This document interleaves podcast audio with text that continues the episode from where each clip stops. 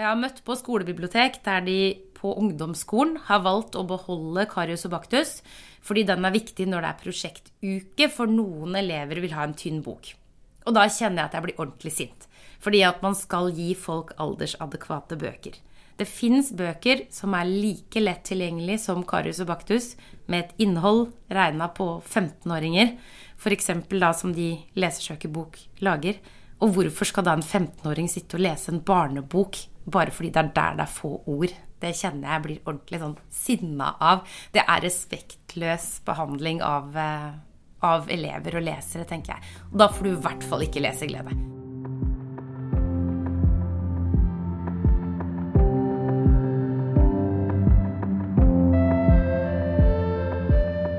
Stemmen du hørte her, den tilhører Gerd Berget. Gerd mottok tidligere i år Leser søker bok sin ærespris for sin mangeårige forskning på universell utforming, med særlig søkelys på lesere med dysleksi og lesere med utviklingshemming.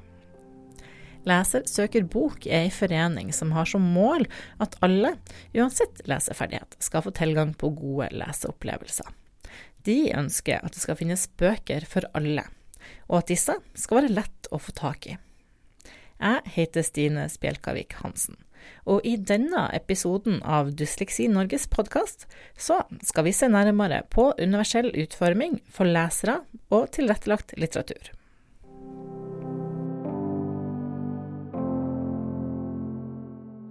Eh, er litt sånn eh, litt av hvert. Men så har jeg også to uh, hyller uh, nederst her, som er bøker fra lesersøkebok, alt sammen som jeg bruker mye i undervisninga og sånn til inspirasjon. Lånes støtt og stadig bort til alle mulige typer lesere. Der har jeg mye rart. Der har jeg en uh, demensvennlig bibel i tekst og bilder. Jeg har en lettlest kokebok. Vi har Sult som grafisk roman. Og så har jeg en uh, bildebok på skal vi se, intet mindre enn uh, seks forskjellige språk, tror jeg. Sånne parallellspråklige utgaver. Jeg har følebøker for blinde barn. Bøker med tegnspråk. Lettere tekst. Bildebøker for voksne med utviklingshemming. Og noen lydbøker, da. Gammeldagse lydbøker på CD. Det er ikke så ofte vi har lenger, men jeg har et par av de også. Mm. Nå sitter vi på kontoret til Gerd Berget på Oslo OsloMet, Storbyuniversitetet i Oslo. Her er Gerd førsteamanuensis ved Institutt for arkiv, bibliotek og informasjonsfag. Det innebærer bl.a. at hun er forsker, og at hun driver med undervisning. Bokhylla på kontoret til Gerd den er stor og variert. Ellers er rommet ganske lite, men veldig hyggelig. Gerd er glad i å lese, men hun har ikke dysleksi sjøl så hvordan endte opp med å jobbe så mye med og forske på universell utforming for lesere med bl.a. dysleksi. Eh, jeg var, eh, var, med i en liten gruppe som skulle jobbe litt med dysleksi og digitale læringsplattformer. Og så fikk jeg dra en uke til eh, Marseille på noen sånne Erasmus-midler som vi har på universitetet. Og da jobba jeg med en hjerneforsker og en dysleksiekspert. Og da fikk jeg være med på sykehuset når de snakka med barn som var der til utredning. Og det var veldig sterkt å se, særlig fordi de hadde en del av de som hadde veldig alvorlig grad eller sterk dysleksi. Og det var veldig sånn, tøft å sitte og se på 15-åringer som, som ikke klarte å se hvor mye en analog klokke var, f.eks., eller som ikke klarte å liksom, skrive nesten navnet sitt da, riktig. Og det var veldig sterkt å se på. Og så tenkte jeg at jeg skulle gjøre en doktorgrad og hadde lyst til å prøve å gjøre noe som kunne være til nytte for noen. Da, da tenkte jeg kanskje det var et felt. Når jeg begynte å se litt, så var det jo utrolig lite som var gjort på det feltet fra før. Innenfor universell utforming så jobbes det ganske mye med motoriske og sensoriske funksjonsvariasjoner. Og så blir det nevromangfoldet ofte glemt litt, eller kanskje ikke glemt, men det får ikke så mye fokus som det burde gjøre det. Så kanskje det er noe med at det er lettere å forstå en funksjonsvariasjon hvis du ser den. Altså ser du noen som sitter i rullestol, så er det liksom Man kan kanskje enkelt forstå hva som kan være utfordringer, da. Men det å sette seg inn i hvordan det er å slite med å lese og skrive, tror jeg er kanskje vanskeligere hvis man ikke har utfordringer med det sjøl. Gerd tror altså at det er lettere for folk uten dysleksi å forstå ei synlig vansker enn en usynlig. Før vi lar Gerd ta fatt på ekspertfeltet sitt, så er det jo greit at vi er sikre på at vi har et tydelig bilde av hva universell utforming betyr, og hva det innebærer. Universell utforming det handler om at man skal utforme samfunnet eller omgivelser, produkter, tjenester på en sånn måte at det kan brukes av flest mulig, eh, uten at man må lage noen sånne spesielle tilpasninger for enkelte grupper. Det er viktig fordi at alle skal bli inkludert. Altså, det er jo et sånn typisk åpenbart svar, selvfølgelig. Men eh, altså, man kan jo komme med mange gode argumenter. Eh, for det første er det jo noe med at det faktisk er en menneskerettighet å, å få like muligheter i samfunnet. Og så ser man jo også at hvis man lager noe universelt utforma eller spisser noe for én gruppe, da, så blir det ofte bedre for andre. Så f.eks. i min studie av eh, søking i bibliotekkatalogen, så sammenligna jeg studenter med og uten dysleksi. Og de som ikke hadde dysleksi, de skrev jo feil i 25% av søkene sine, de også, ikke sant. Så man opplever jo de samme utfordringene hele veien, det er bare i ulike grader. Så det å fokusere på noen som har kanskje litt større utfordringer og tilpasse det der, så blir det jo bedre for flertallet også. God universell utforming. Det spørs jo om man tenker sånn fysiske omgivelser, f.eks. Så har man jo en del steder som de har klart å lage eh, kombinasjoner av trapper og trinnfrie adganger samtidig, f.eks. Oppe ved Institutt for informatikk, mellom de nye byggene der, så er det en veldig sånn fin Du kan gå med sykkelen eller barnevogna eller rullestolen, eller du kan ta trappa, men det er laga på en sånn måte at eh, at det er ikke noe rart om du velger den ene eller den andre løsningen. En dårlig? Og det er det mye av. Eh, nei, det er jo ekstremt mye. Altså butikker med et uh, trinn for å komme inn. Uh, tunge, smale dører. Um, hvis vi skal tenke i litt dysleksiretning, så er det jo alle disse Nav. Offentlige nettsteder. Altså det å klare å forstå offentlig informasjon med byråkratisk tungt språk. Det er jo kanskje en av de verste eksemplene. Eh, og Er det da forskjell på manglende universell utforming og dårlig universell utforming? Eller altså, kan man prøve og så bare bomme helt?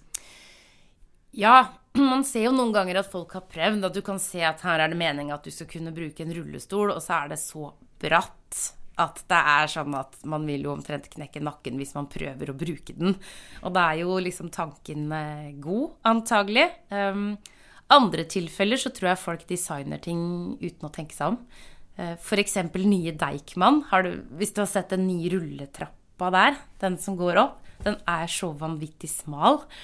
Og det er klart at det er fint å kunne få mange opp uten å bruke trapper, men hvis du går der og leier på to små barn, f.eks., har store poser, sekker eller har en litt større kropp, så kommer du deg jo faktisk ikke på noen god måte opp med den rulletrappa. Og så er det alltid kjempekø i heisen. Nettopp antakelig pga. det. Så man ser jo eksempler på nye bygg der man prøver å lage ting bra og, og designmessig kult, og så tenker man ikke at hadde den rulletrappa vært liksom 30 cm breiere, så hadde det vært en helt annen brukbarhet på det. Og hva er da universell utforming for lesere?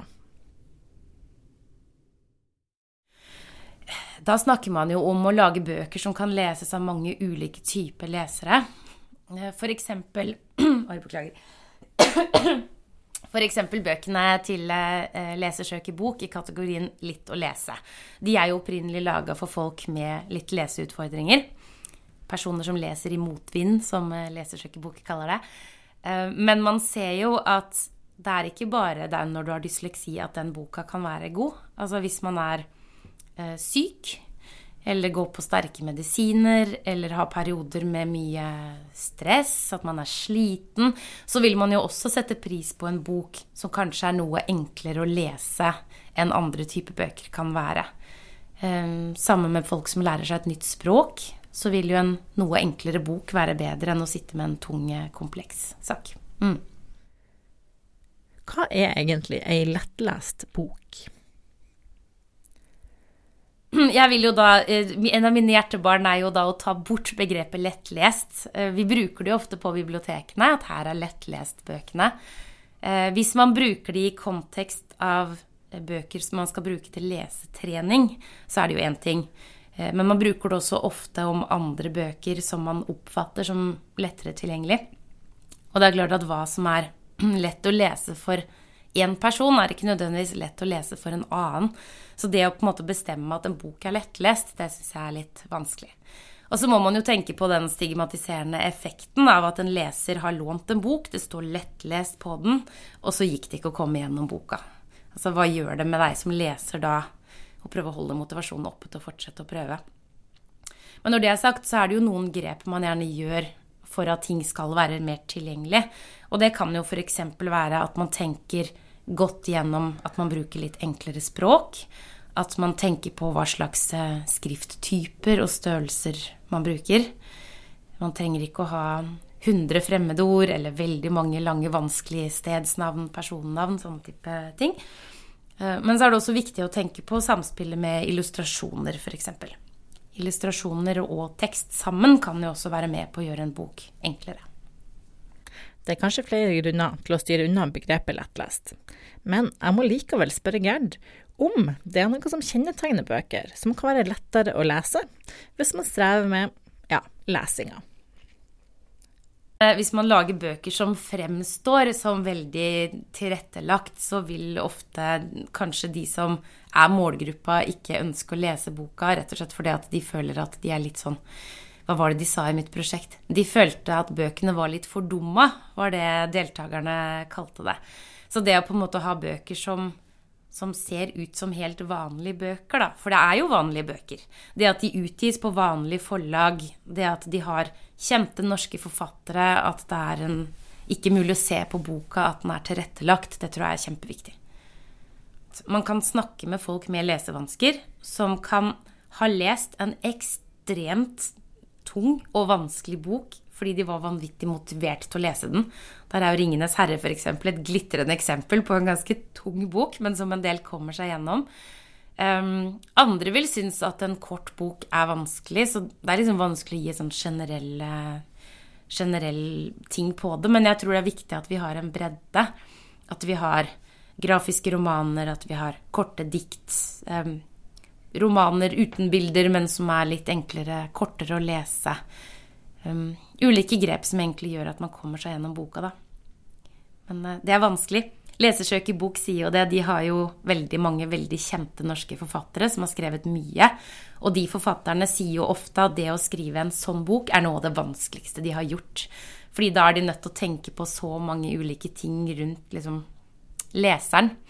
Og samtidig så sier de at de føler at de kommer ut av det med å ha skrevet en veldig god bok, og at mange av de grepene de lærer der, tar de med seg videre i bøkene de lager etterpå. Jeg tror at i det øyeblikket du ikke skal skrive en 700 siders lang bok, så er du nødt til å tenke på hva du setter ned på det papiret. Det du skriver skal ha en eh, mening og en betydning og gi en opplevelse.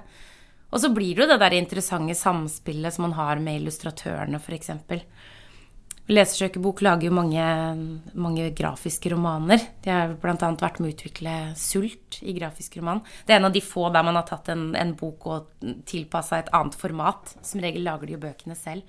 Og det er jo helt fantastisk hvor annerledes det er å sitte og lese Knut Hamsun eh, i den uh, grafiske versjonen. Ja, jeg har bare lest den grafiske versjonen, jeg har ikke lest den på Nei, ikke sant? Og den var mye mer lett tilgjengelig, selvfølgelig. ikke sant? Mange, ja, mange, flere som leser den, og den er jo superkunstnerisk. Det er jo ingen som ville lest den og tenkt at her har noen laget en tilrettelagt bok. Det føles jo ikke sånn. Den vant jo til og med Brageprisen. Det er jo et perfekt eksempel på en universelt utforma bok, egentlig. Selv om mange tegneserier og grafiske romaner er veldig populære, så kan det kanskje oppleves som om det er mange, særlig foreldre som skal kjøpe bøker til ungene sine, som har fordommer mot sjangeren. Gerd er enig. Det er veldig interessant at man skal vurdere grafiske romaner som dårligere enn andre romaner. Jeg tenker jo at eh, hvis eh, alle, og særlig barn og unge, får lyst til å lese en bok, så er det ikke så farlig hva slags format den boka faktisk har. Eh, og grafiske romaner kan jo ha massevis av tekst. Og det kan jo være sånn som Sult, som vi nevnte nå, som er en gammel klassiker. Eller uh, Maus, som jo er en utrolig bra tegneseriebok om holocaust og Auschwitz. Som du lærer masse av å lese den boka. Det er bare at den er illustrert uh, på en helt annen måte enn hvis du leser en tekstlig bok, liksom. Mm. Finnes det egentlig noen skikkelige bøker, og noen bøker som ikke telles like mye? Jeg hører mange snakker om det, og særlig i forbindelse med lydbøker så hører jeg veldig ofte det. Man snakker om at man skal lese den ordentlige boka, eller så skal man høre på lydboka. Og det provoserer meg veldig, for jeg tenker at hvis målet er at man skal ha en leseopplevelse, at ikke vi snakker om lesetrening på skolen, men en leseopplevelse, så er det jo helt ja, null betydning om du leser med øynene eller om du leser med ørene. Eller med fingrene hvis du er blind og bruker punktskrift, for den saks skyld. Så jeg er veldig opptatt av at jeg alltid kaller det at jeg skal lese en lydbok. For jeg syns man, man, skal likestille ulike måter å lese på. At ikke lesing av en bok automatisk er bokstaver trygt på et ark. For det passer ikke for alle typer lesere. Nei, og det er jo det samme innholdet. Ja, det er akkurat det samme innholdet. Og det er bare at hvis du leser den lydboka, så kanskje du kommer deg gjennom hele boka og får den gode opplevelsen av å få den fine historien, som du kanskje ikke hadde klart hvis du måtte lest med øynene selv. Mm. Kan all litteratur gjøres tilgjengelig? Det er et godt spørsmål. Dette har jeg diskutert med en del litteraturvitere, og de har fortalt meg at hvis ikke det er vanskelig tilgjengelig, så er det ikke ordentlig litteratur. Da blir jeg litt irritert. og så løper jeg og henter den grafiske romanen av Sult og viser at det kan jo være motsatt. Jeg tror nok det vil være noe Altså, Jon Fosse er kanskje ikke det som alle kommer til å lese. Men de settes jo også på teater, f.eks., så man kan jo gå og se et sånt stykke, og se en bok istedenfor å lese den. Og så tenker jeg at noen bøker vil, vil jo være tunge hvis det er ting du ikke er interessert i, f.eks. Altså, jeg kan jo selv lese en bok som egentlig kanskje ikke andre syns er tung, men jeg syns den er det fordi jeg syns det er så ekstremt uinteressant, det som står i den boka. Men så kan det være noe kjempekomplisert og knotete, men jeg syns det er litt gøy, og da er det jo greiere med en gang. Og sånn vil det nok være for ganske mange, tror jeg. Men hvordan skal man egentlig få leseglede, hvis man stort sett bare opplever å streve? Jeg tror mye er gjort hvis man finner én god bok som man får lest hele boka og får en god opplevelse av, da tror jeg man ofte blir motivert for å fortsette å lese. Det å på en måte få den opplevelsen av hvordan det er å dykke inn i et annet univers, eller lære noe nytt da, hvis du leser en fagbok, så tror jeg Men hvis man gang på gang opplever å få den derre såkalte lettlest boka som ikke var lett å lese, og man, man stanger og man føler at man ikke får det til, så er det jo annerledes. Og jeg har møtt på skolebibliotek der de på ungdomsskolen har valgt å beholde Karius og Baktus fordi den er viktig når det er prosjektuke, for noen elever vil ha en tynn bok. Og da kjenner jeg at jeg blir ordentlig sint. Fordi at man skal gi folk aldersadekvate bøker. Det fins bøker som er like lett tilgjengelig som Karius og Baktus, med et innhold regna på 15-åringer, f.eks. da som de Lesersøkerbok lager.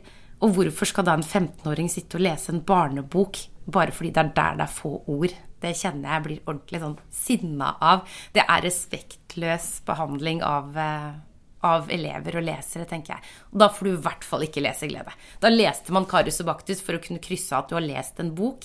Ferdig med det. Hvis de hadde fått lov til å lese en lydbok uh, istedenfor, eller fått lov til å lese en mer tilgjengelig bok, at de hadde hatt en ordentlig skolebibliotekar og ikke en lærer som kanskje ikke kjente samlinga godt nok, så hadde det jo vært en helt annen situasjon. Jeg tror at det man ofte glemmer, er at ting skal være aldersadekvat. Altså jeg ser på bøker, Hvis man gir bøker til personer, voksne personer med utviklingshemming f.eks., de får fort eh, Pippi Langstrømpe eller Tassen-bøker eller noen som har mista den grønne votten sin. Altså bildebøker, lite tekst, masse illustrasjoner, og så glemmer man at det kanskje er voksne mennesker. Og jeg tror mye av det samme gjelder med dysleksi. Altså det derre med at skal man lese en bok på ungdomsskolen, så skal det være bøker for tenåringer i alle typer lesenivåer. Man skal ikke tenke at 'den her klarer jo du å lese', og så er det en barnebok. Har man selv lyst til å lese barneboka, så er det jo helt greit, men den skal ikke bli gitt som et førstevalg. En annen ting som Gerd stiller seg spørrende til, det er et begrep som hun ofte hører blir brukt, nemlig lesere med spesielle behov. Eh, det at noen har et spesielt behov, Eh, for hvis du skal lese en bok, så har vi vel alle samme mål. Vi har lyst til å lære noe, eller vi har lyst til å oppleve en helt ny verden, eller oppleve noe romantisk eller dramatisk, eller hva man nå leser. Så behovet er jo det samme. Eh, det er å ha en opplevelse. Og så er løsningene litt ulike. Så jeg skulle ønske at vi kunne tatt bort det der begrepet spesielle behov, og så heller snakke om at, eh, at vi er lesere som trenger ulike løsninger. Der man da kan likestille f.eks. det å lese med, med øynene eller ørene, uh, istedenfor å bestemme at én form er mer høyverdig enn den andre.